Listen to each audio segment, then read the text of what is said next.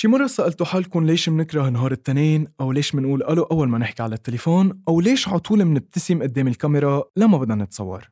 هلأ هيدي قصص بسيطة بس إذا بدنا نروح أبعد من هيك ليش تحت مقعد الطيارة منحط سترة النجاة يلي هي معمولة لتفوشك على المي وما بيحطوا باراشوت؟ بالعالم العربي نحن منحب نفتخر بالعروبة تبعنا ومنعتبر حالنا سالكين الطريق الصح. ولما الأهل بدهم يعطوا درس سيء لأولادهم دايما المثال السيء هن الغرب.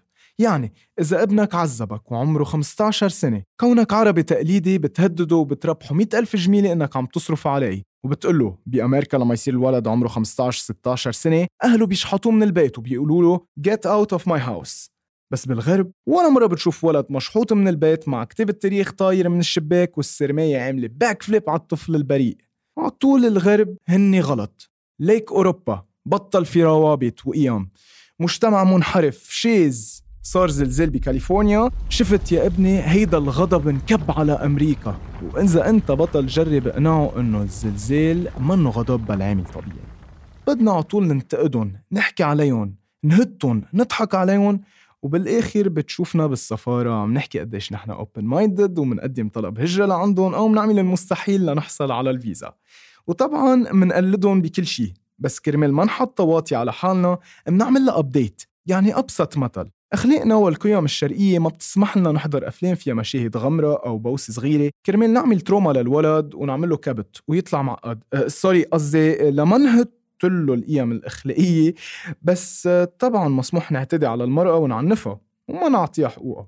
نحن مصرين كدول عربية نشتري للفيلم نعمل له مونتاج ونحذف منه المشاهد الحميمة. نرجع نعرضه بالسينما نحضره وننبسط فيه بس المشكلة إنه الفيلم بيكون على نتفليكس مدته ساعة ونص وبالسينما أو على ال TV 45 دقيقة. يعني شو فهمت من الفيلم؟ الله وحده بيعرف. هلا إذا بدكم نحكي عن على سيرة الأفلام مرة أنا وصغير بتذكر كنت عم بحضر فيلم آه، آه، كتير مهضوم على Dubai One اسمه The Bad Teachers وهيك ثابت إنه لقيته على نف على نتفليكس من سنة تقريبا وقررت أرجع أحضره. للصراحة تفاجأت إنه ما بعرف شو كنت فهمان من القصة القديمة لما حضرته على ال TV بس لما رجعت حضرته عن عن جديد حسيت حالي عم بحضر فيلم جديد وتغير concept ال movie كله سوا من السيناريو وصولا للأحاديث طلع في قصة خيانة بالموضوع وهيدا محور القصة وأنا الغشيم يلي ما بعرف شو كنت عم بفهم من القصة قبل ما أحضره على نتفليكس بس اللي بتذكره إنه انبسطت فيه و...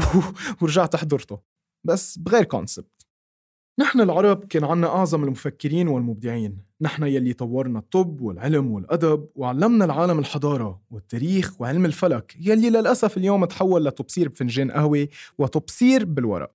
معكم علم وخبر أنه الطبيب الزهراوي بالعام 1000 ميلادي نشر موسوعة تحتوي على 1500 صفحة بتخص الجراحة يلي اعتمدوا عليها الأوروبيين لمدة 500 سنة أو العالم أحمد زويل يلي ابتكر ميكروسكوب لتصوير أشعة الليزر. لما تحكي عن العروبة للأسف ما بيعلمونا أو بيخبرونا عن إنجازات العرب. غير إنه المناهج التربوية صارت قديمة وما كتير إلها بس للأسف العالم عم يتطور ونحن عم نرجع لورا. ولهيدا السبب أهم المبدعين والمخترعين أغلبيتهم عرب وقدروا يبرهنوا حالهم بالدول الحضارية عفوا بالدول الانحراف. إذا بدنا نحكي عن حالنا وما نرجم حالنا نحن شعب ذكي كتير بس منستعمل ذكينا بالمكان الغير مناسب. يعني المواطن العربي هو الوحيد يلي بيفهم بكل شيء محلل سياسي خبير بالاقتصاد مترجم محلف بارع بالتجارة كهربجي سنجري ميكانيسيان وحكيم بنفس الوقت. بنوصف أدوية بنسرق كهرباء ونحتال على شركة الأسيرانس. ومن أول ما يخلق الولد بنعبي له براسه إنه لازم يعمل حكيم مهندس أو منضلنا نهته ونقارنه بأصحابه الأشطر منه. ومنحطه بالأمر الواقع للصبي.